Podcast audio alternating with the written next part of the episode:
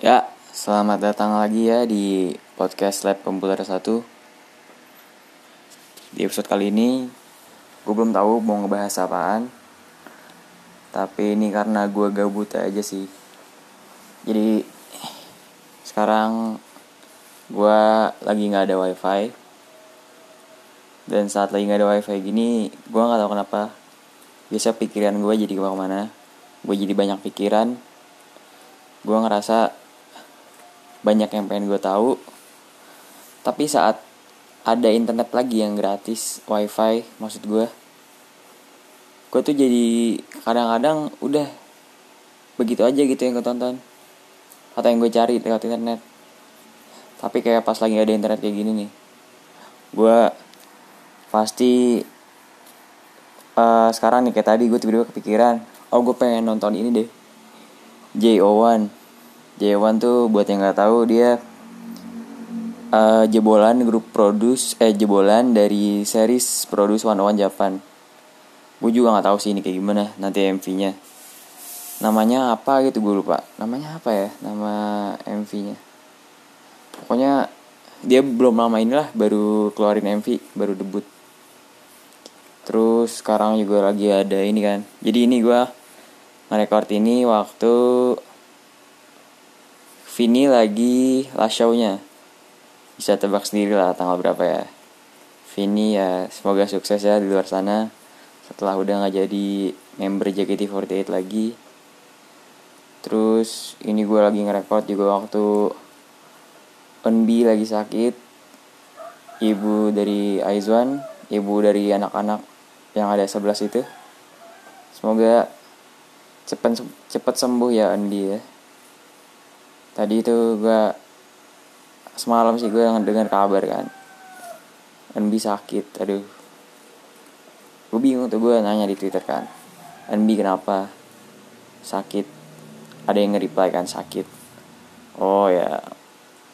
Pokoknya gue gue takut sih kalau misalkan sakitnya NB yang kayak ke arah mental gitu. Karena kan bukan nggak mungkin gitu loh. Sekarang Aizwan lagi baru comeback lagi setelah tiga bulan. Lagi banyak banyaknya di apa ya omongan buruk dari orang-orang. Terus apalagi Aizwan baru mencahin rekor juga kan. Dia ini seminggu girl group pertama yang penjualannya udah 300 ribu albumnya. Itu ya kayak gue dengar banyak yang bilang ah ini settingan. Apa maksudnya penjualan album itu settingan. Ya mungkin NB yang pasti member membernya langsung ya. Pasti dia yang paling sakit hati ya pasti mereka gitu. Kita Wizwan aja sakit hati apalagi member Aizwan yang sendiri. Di mana enggak gitu loh. Apalagi dia leadernya kan. Maksud gue dia leader tuh dia nggak mungkin gitu loh nunjukin sisi apa ya pasti dia akan menjadi sosok yang dalam tanda kutip ya sok kuat depan member-member yang lain itu. Loh gue yakin sih maksudnya kayak kalau nggak salah nih gue juga pernah dengar omongan si gue baca apa nonton V Live gitu ya.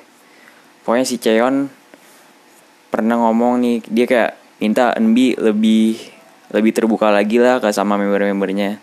Maksudnya tuh lebih terbuka kayak kalau ada kalau cur curhat ya curhat aja gitu NB ya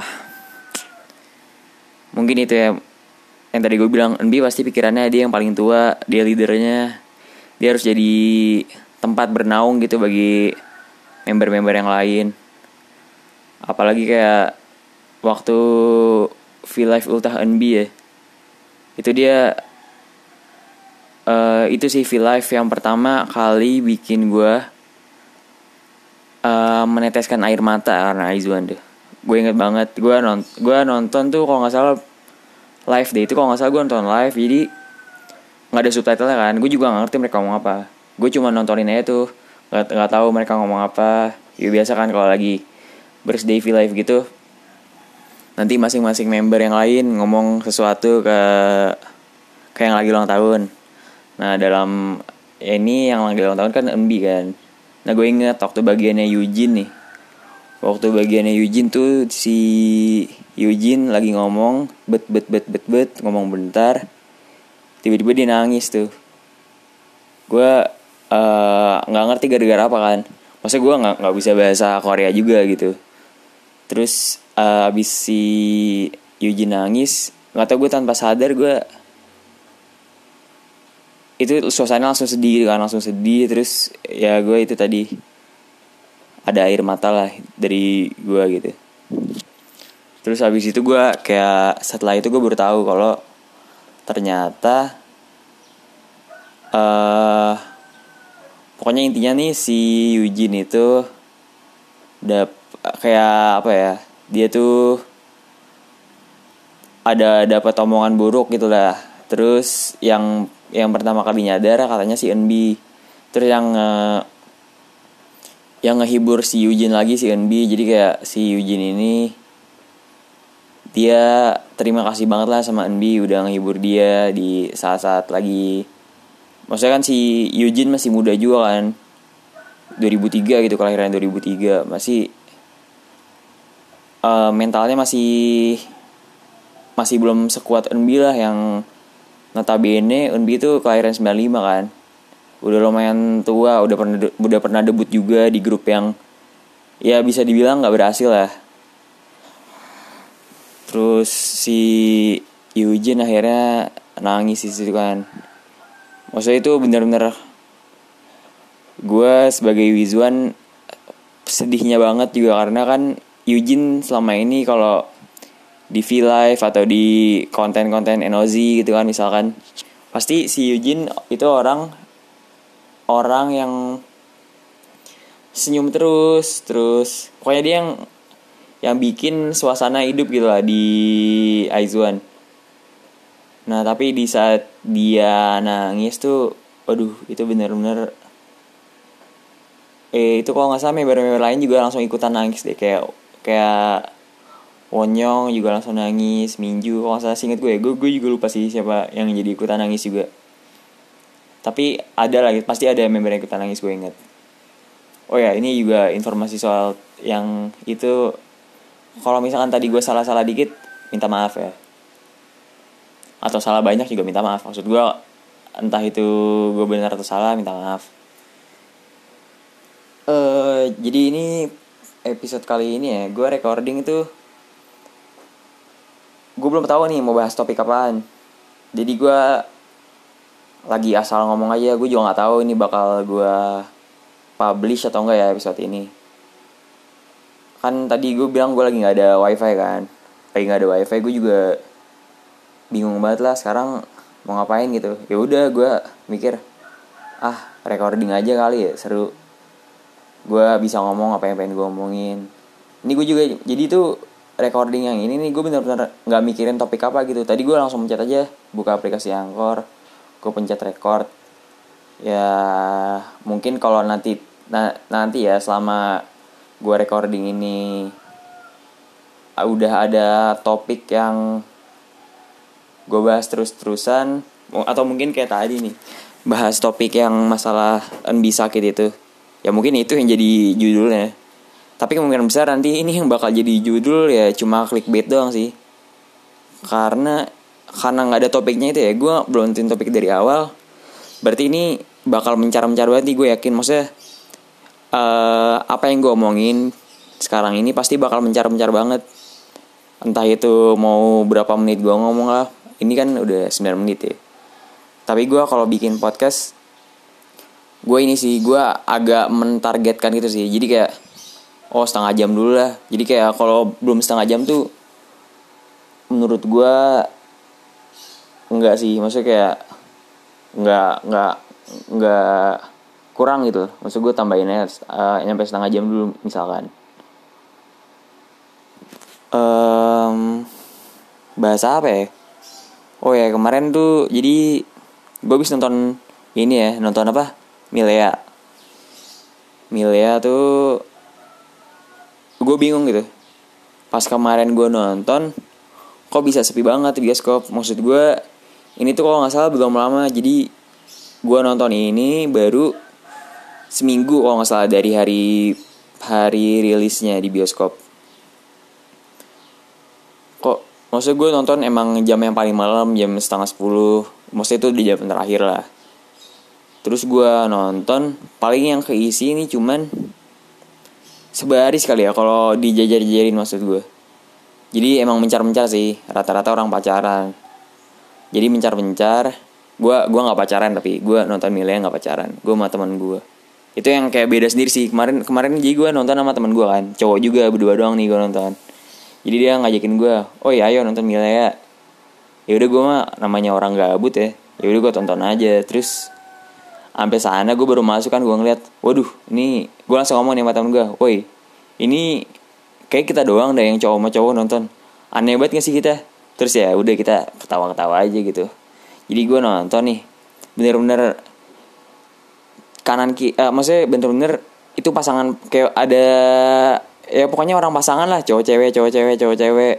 Dan cuma gue gitu kayaknya kayaknya ya kayaknya cuma gue yang nonton sama temennya cowok sama cowok. Dan itu uh, eh, gue ngerasanya rada aneh sih tapi ya bodo amat lah nggak ada yang gue juga kan selain temen gue tapi di situ gue ngobrol sama temen gue jadi gue bilang eh ini kalau misalkan ada yang maksudnya kalau kita ketemu orang kita kenal gimana ya? Malu juga gak sih?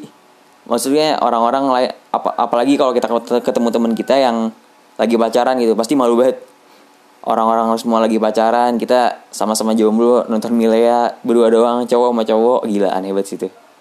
Kayak teraneh yang teraneh sih kalau nonton film yang genrenya romantis menye menye gitu. Cowok sama cowok berdua doang. Sementara di bioskop di studio itu yang lain semuanya pada orang orang pacaran semua. Atau orang bapak ibu suami istri gitu kan aneh banget sih. Tapi ya hasil gue nonton sih dan entah kenapa sepi banget ya. Ya kalau menurut pandangan gue sih kenapa Milea bisa sepi banget ya? Maksudnya baru satu minggu juga gitu loh.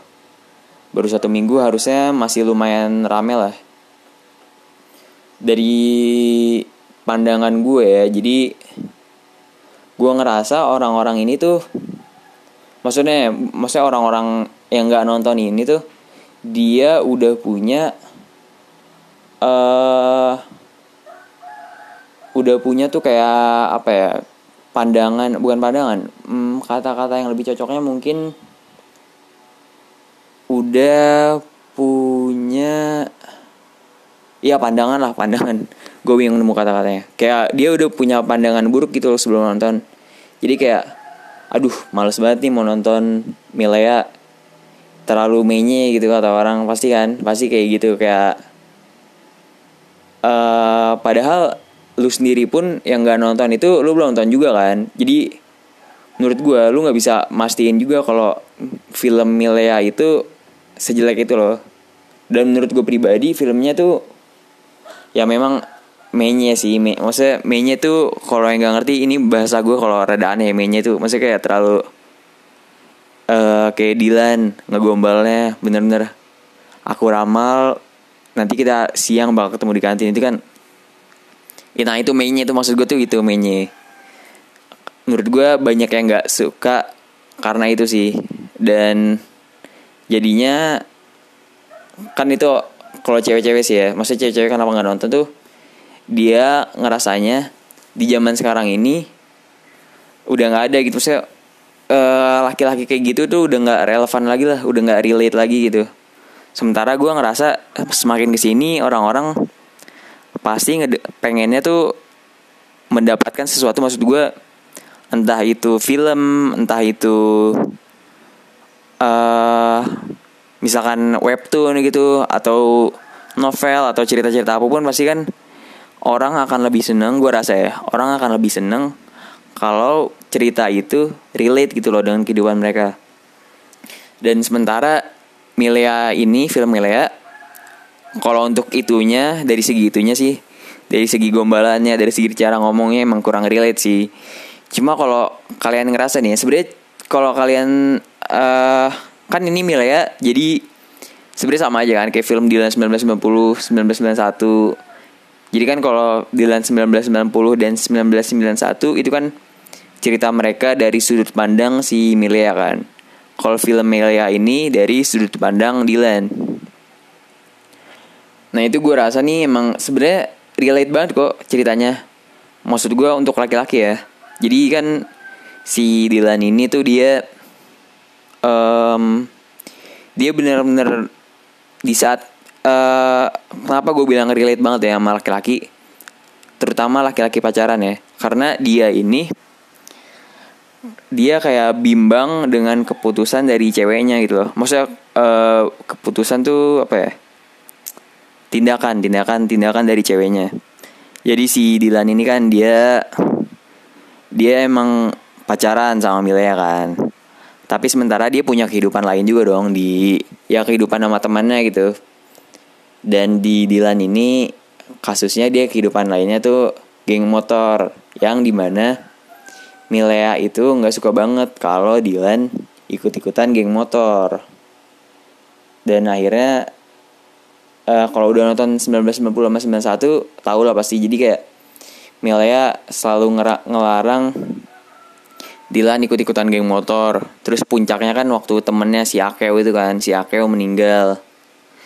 Terus usut punya usut ternyata si Akeo ini dia nggak maksudnya meninggalnya dia tuh nggak ada hubungannya gitu loh sama geng motor.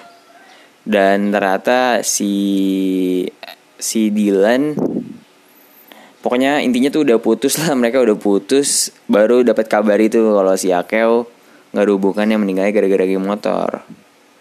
Terus akhirnya Mileanya udah pengen balikan lagi tapi Dylannya Dylan kan jadi dia terpaku mau omongan kalau ada orang yang menyakitimu, aku akan menghilangkan aku aku akan langsung menghilangkan orang itu. Nah, di sini Dylan bimbangnya lagi dia karena uh, dia ngerasa yang nyakitin Melia ya dia. Jadi dia yang harus menghilang. Sebenarnya menurut gue relate banget sih kalau untuk kehidupan ini ya, kehidupan cowok-cowok yang lagi pacaran gitu ya karena itu kan dia bimbang antara ceweknya dia atau orang yang ah, maksud ah, atau dianya sendiri gitu loh. Maksudnya kehidupan dia bukan untuk ceweknya doang dong. Dia punya teman-teman yang harus yang bukan harus sih maksudnya teman-teman untuk ngebuat dia jadi dia gitu loh. Sementara si ceweknya ini minta dia ngejauhin temennya. Itu ini menurut gue uh, uh, paling paling dasar sih dari kehidupan orang lagi pacaran gitu ya. Nah terus uh, tadi ya menurut gue Dilan ini udah punya pandangan buruk di awal jadi kenapa dia bisa sepi gitu. Nah untuk itu menurut gue kasus ini agak berlaku juga sih untuk kayak tentang misalkan Korea Koreaan atau JKT48 itu menurut gue kenapa kalau orang-orang awam itu pandangannya bisa langsung buruk gitu loh ke mereka? Maksud gue bukan buruk sih. Jadi kayak kenapa mereka bisa nggak mau nggak mau ikut-ikutan sama sekali gitu? Karena emang pandangan mereka itu udah udah buruk gitu loh. Jadi kayak uh, eh, gue kan gue kan awalnya maksudnya semua orang yang akhirnya masuk ke entah itu fandom JKT48 maksudnya jadi fans JKT48 atau dia jadi seorang yang ngikutin Korea Koreaan ya. Maksudnya gue bisa jadi K-popers atau kalau gue spesifiknya lagi jadi Wizuan atau uh, gue juga gue juga suka nontonin K drama gitu kan Korea drama. Itu maksud gue kenapa orang nggak mau mencoba hal-hal seperti itu? Karena dia udah ngerasa dia udah punya pandangan buruk gitu loh kepada hal-hal seperti itu. Itulah makanya mereka kenapa nggak mau nggak mau nyoba-nyoba sedikit pun. Karena balik lagi mereka punya pandangan itu karena pandangan orang lain terhadap terhadap hal itu loh. Jadi kalau gue jelasin kayak gini nih misalkan mereka itu nggak mau coba-coba ngikutin JKT48 karena orang-orang lain ngerasa kalau orang ikutin JKT48 itu aneh. dan menurut gue hal-hal seperti ini loh yang kayak uh, harus dibenahin dibenahin oleh uh, orang-orang yang ada di dalam di dalamnya gitu loh. Maksud gue orang-orang fans JKT48 itu yang harus ngebenahin loh pandangan orang-orang awam. Ya misalkan paling gampangnya sih ya kita harus nge-branding diri kita gitu biar enggak dipandang oleh orang-orang lain jelek. Supaya orang-orang lain pun bakal mau ikutan jadi kayak kita.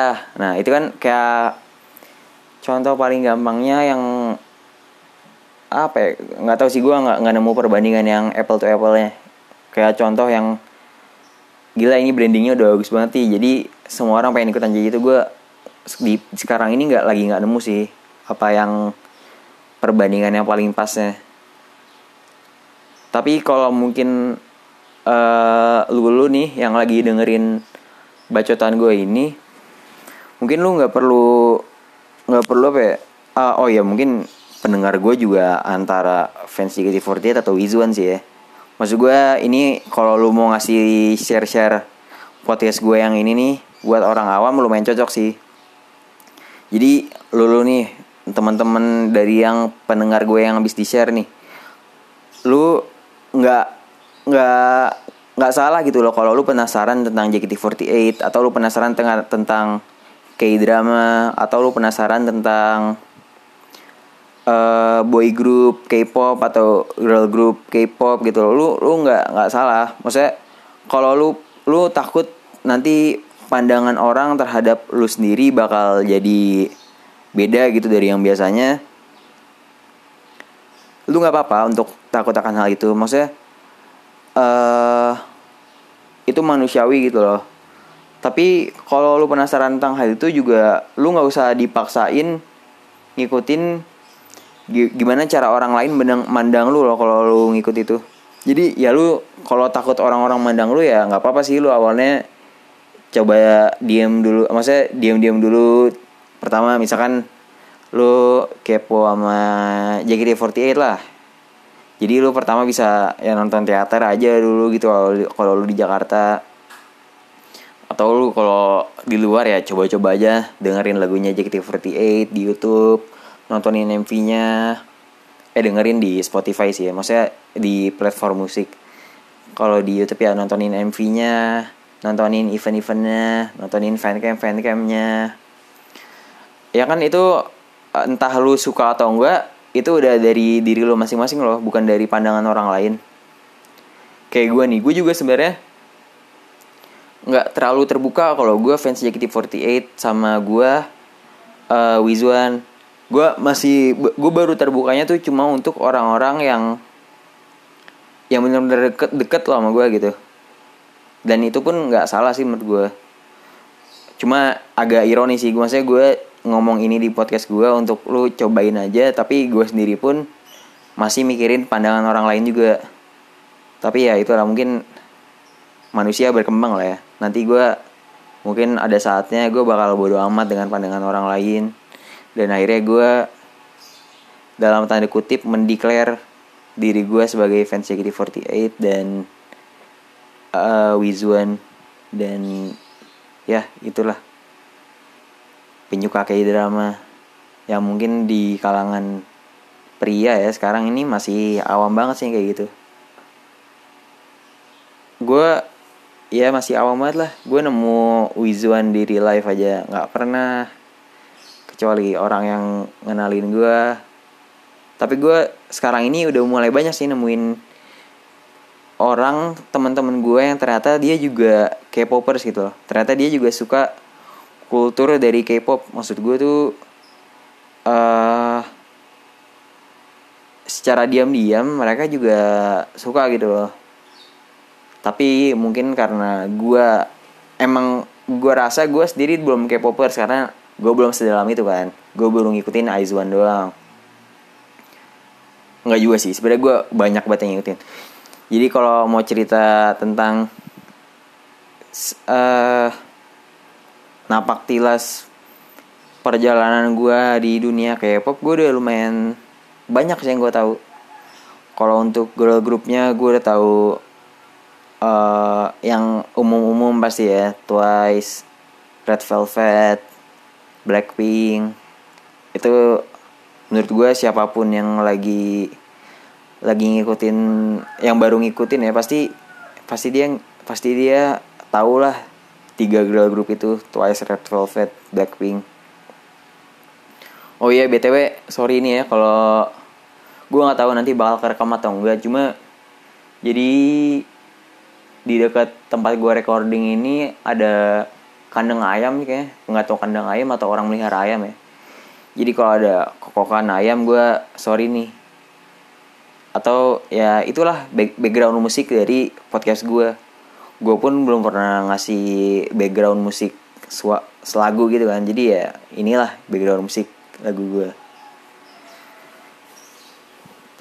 tak balik lagi ya. Tadi gue ngomongin apa ya ya itulah pokoknya.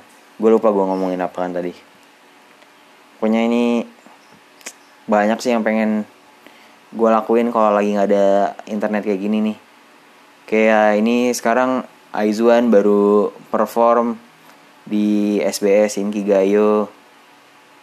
Gue pengen nonton. Tadi gue kalau buka YouTube pakai kuota kan gue cuma ngeliat thumbnailnya doang kan. Thumbnailnya Wonyong tadi gue udah ngeliat terus gue pengen nonton tapi wifi belum nyala. Jadi kan gimana gitu loh kan anjing gitu loh. Gue udah ya harusnya wifi kan dapet ya. Gue nggak tahu sih ini kendala kendalanya di mana gitu dari pagi gue bangun wifi udah nggak bisa. Kan gue mau fanboying jadi susah. Tapi ya mungkin di sisi baiknya gue jadi recording recording ini ya recording episode ini. Oh ya btw gue juga kenapa gue recording bahasa ini ya? Gue sebenarnya sejujurnya ini baru gue baru nge-publish 4 episode. Episode 0 yang untuk secara umum podcast gue episode 1 ngobrol bareng fans for JKT48 episode 2 comeback Blue Mice penantian Wizuan terhadap Aizuan episode 3 ngobrol bareng fansar part 2 kan? Uh, nah di situ gue ngeliat ini analytics analytics pendengar episode episode gue ternyata yang paling banyak tentang comeback Blue Mice. Sampai saat ini sampai saat ini ya. Mungkin gue sebenarnya uh, pengen sih uh, nge apa namanya ngerekord tentang Aizuan. Karena gue lebih kalau gue disuruh milih gitu ya JKT48 atau Aizuan gue pasti bakal lebih milih Aizuan. Karena di saat ini gue lebih suka Aizuan aja sih. Maksud gue sukanya gue JKT48 itu nggak nggak lebih banyak dari sukanya gue terhadap Aizuan gitu. Tapi yang jadi permasalahan kalau di JKT48 mungkin nanti ke depannya nih gue bakal lebih banyak episode tentang JKT48 karena kalau di JKT48 gue punya tandemannya gitu loh. Kayak teman gue yang kemarin itu. Dia orangnya lumayan santai jadi kayak tiap gue ngajak bikin ayo recording podcast itu tong. Dia orangnya ayo ayo aja kalau lagi ada waktu mah. Nah sementara kalau gue bikin episode tentang Aizwan itu uh, gimana ya? Gue kan cuma sendiri nih kadang-kadang gue uh, suka bingung gitu kok apa yang mau diomongin. Banyak e nya banyak diemnya.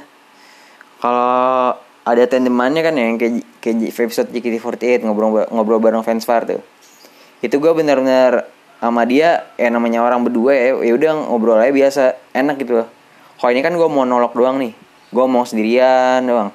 Kayak tadi gue gue lupa kan kendalanya gitu loh gue bingung abis ini mau ngomong apa. Terus gue tadi lupa abis ngomongin background musik gue lupa mau ngomong apa. Ya tapi semoga lah ya gue bakal nge nggak tahu sih gue seimbangin aja sih kayaknya. Tentang JKT48 Aizuan gue seimbangin aja sih. Oh ya terus gue juga sampai saat ini belum nge-publish kan episode yang tentang Arsenal. Gue masih bingung sih sejujurnya gue bingung gitu maksudnya apa yang mau dibahas ya kalau tentang Arsenal.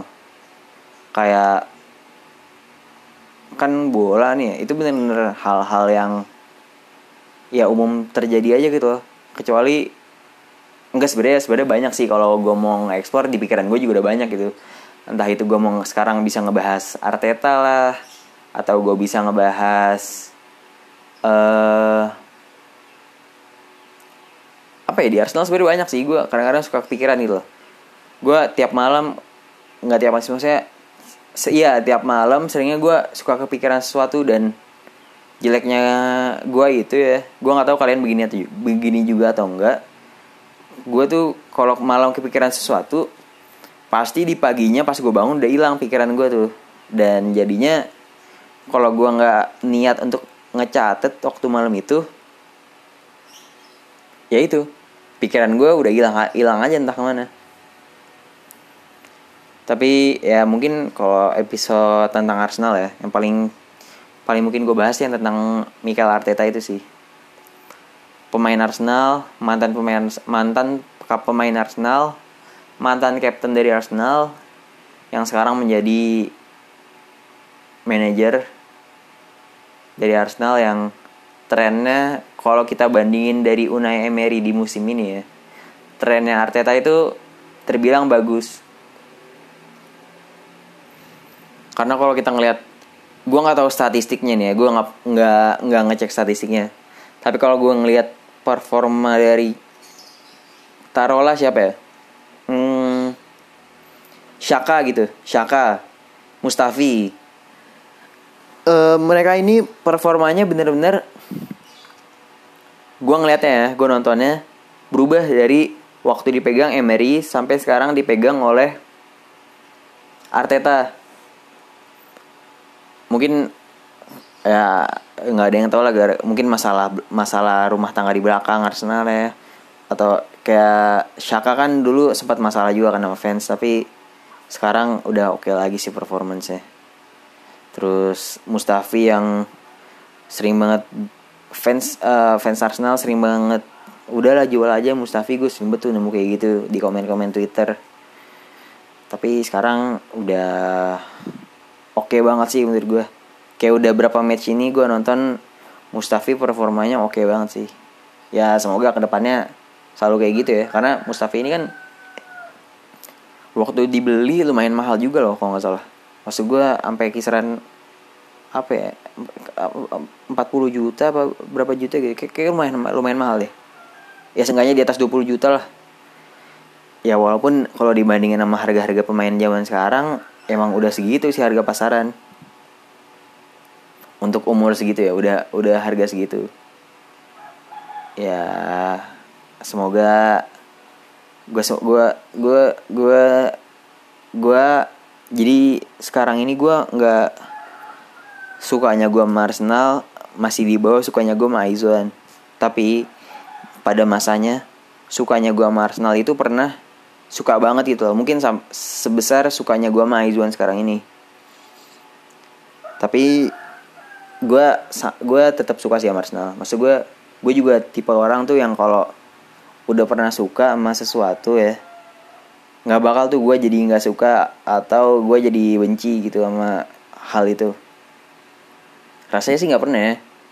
Ini kayak Arsenal itu sih fak, contoh paling contoh paling gampangnya. Walaupun dia performanya lagi jelek banget ya sekarang nih. Ini kayak bener-bener dari pertama kali gue suka Arsenal ini performa ini musim terburuknya sih kayaknya. Ini musim terburuk dari Arsenal. Bayangin aja bro. Sekarang dia lagi peringkat 10 buset. Peringkat 10 lu bayangin peringkat 10 buset. Dari 20 tim. Ya semoga naik sih ya. Karena kan baru dapat kabar nih ya kalau City bakal di band dua musim di liga di Eropa ya. Maksudnya Champions League atau Europa League. Gue pengennya sih Arsenal ngejar posisi 5 lah sekarang. Gue udah udah udah berapa tahun nih berarti? Udah ber, udah empat tahun kalau nggak salah. Udah empat tahun Arsenal nggak main di Champions League. Itu kan kalau dulu sama Wenger nih kalau dulu sama Wenger kan Wenger tuh orangnya rada realistis gitu. Target berapa? Empat besar empat besar. Ya walaupun di akhir-akhir masa pelatihannya dia kalau nggak dua, dua musim tuh ya dia jadinya main Europa League mulu sih. Tapi ya Wenger Wenger gue paling respect sih sama dia. Gue paling respect sama Wenger. Ya bahas apa lagi? Ini gue bingung sih kayaknya nggak bakal gue publish deh di di gue maksudnya gue masih bingung juga nih mau naro judul apa gitu loh kalau gue publish. Kayak dari tadi gue ngebahas uh, aneh aneh-aneh maksud gue ngebahas nggak ada sangkut pautnya mulu kan. Tadi gue ngebahas Milea terus gue ngebahas Arsenal gue ngebahas pandangan orang yang udah buruk duluan terhadap JKT48 dan Korea-Koreaan dalam kasus gue Aizuan atau K-drama. Terus gue pertama ngebahas NB lagi sakit. Terus gue sempet nge-mention ini lagi hari last show-nya Vini juga kan. Oke tapi ngomongin NB lagi sakit ya. Gue tuh suka suka suka suka lucu loh kalau nemu warga Twitter lagi lagi kocak-kocaknya gitu kayak tadi nih gue nemu di Twitter uh, Aizwan Manfest. Jadi uh, intinya tuh dia nge-tweet kayak gini di Manfest itu dia nge-tweet mari kita cocokologi apa apa apa penyakit yang saat ini lagi diderita Unbi. Pokoknya kayak setelah comeback ini Sakura tampak lebih protektif terhadap Unbi. Terus ada free time 3 bulan. Pokoknya intinya apa, apa yang dia bilang oh mungkin Won Young mau punya adek baru kan. Itu kocak banget gitu loh. Gue gue eh, eh, eh, mungkin gak sekocak itu sih ya karena sekarang gue nggak tahu tapi pas tadi gue pertama kali ngebaca gila gue gue gue langsung ketawa-ketawa senyum-senyum sendiri gitu loh. Kayak wah ini orang kocak juga nih.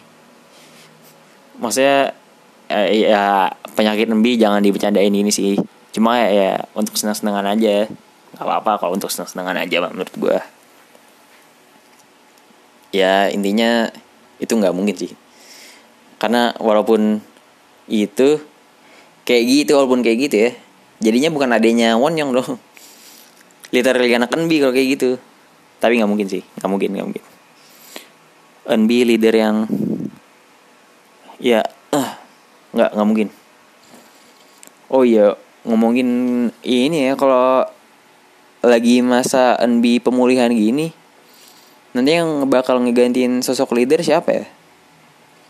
Gue nggak pernah tahu sih ya kalau di grup-grup lain pernah kayak gini juga atau enggak karena kan yang gue pernah tahu kayak misalkan kemarin uh, Mafni Once kalau gue ngungkit-ngungkit Mina kan sempat berapa bulan tuh ya yang anxiety anxiety disorder ya kalau nggak salah.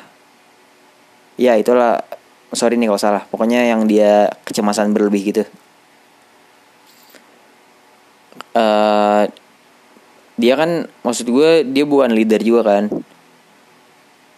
Jadi cuma bak bakal terlihat ada yang berbeda aja itu kalau di formasinya. Jadi kayak kosong satu orang gitu kan di blockingannya. Cuma kan kalau NB ini dia juga leader kan. Nanti apa dia bakal maksudnya peran kalau lagi ngomong-ngomong di depan itu bakal beda. Maksudnya siapa gitu yang ngegantiin loh gue bingung. Apa bakal Wonyong yang center juga? Tapi kayaknya Wonyong masih terlalu muda sih ya. Maksudnya dia emang public speakingnya bagus sih. Cuma nggak tahu deh ntar dia bakal ngomong apa ya? Soalnya gue yakin ini kan uh, eh, NB abis yang ini ke Gayo ini lagi pemulihan dulu kan semoga NB penyakit biasa aja lah kayak flu flu doang nggak nyampe penyakit mental kayak gitu semoga amin Amin, amin, amin, amin. Ya, uh, balik lagi ya tadi. Maksud gue kalau Wonyong yang ngomong gitu ya, gue ngerasa bentar lagi Aizuan bakal ada first win gitu loh dari dari Fiesta. Pasti itu kan ada saat saat leader harus ngomong gitu kan. Dan harusnya Nbi, tapi kalau bukan Nbi siapa gitu? Apa mungkin Sakura? Atau mungkin udah pernah kayak gini, Nbi lagi nggak ada. Terus ada yang gantiin ngomong. Kayak ngomongan yang yang untuk ya formalitas gitu lah yang kayak terima kasih atas kemenangan pertamanya Wizwan gini gini gitu gini gini gitu. Soalnya gue ngerasa first winnya Aizwan untuk Fiesta nggak lama lagi sih bakal dapet. Dan kalau NB hari ini baru hari ini ya lu kira lu kira-kira aja tanggal sendiri. Kalau hari ini abis ini Kigayo dia baru mulai pemulihan kayak nggak mungkin secepat itu sih kata gue maksud gue bakal ada first win dulu loh sampai Unbi balik lagi. Kira-kira siapa tuh yang ngomong? Kalau Sakura bisa-bisa aja sih cuma dia kan nggak tahu gue gue ngerasa dia bahasa Koreanya masih rada ah, enggak enggak masih rada terbata-bata gitu sih tapi enggak juga lah. Sebenarnya udah bagus juga. Udah bagus kok. Mantap Sakura. Saya juga pernah oleng ke Sakura kok. Sejujurnya saya udah pernah oleng ke semua member Aizwan sih.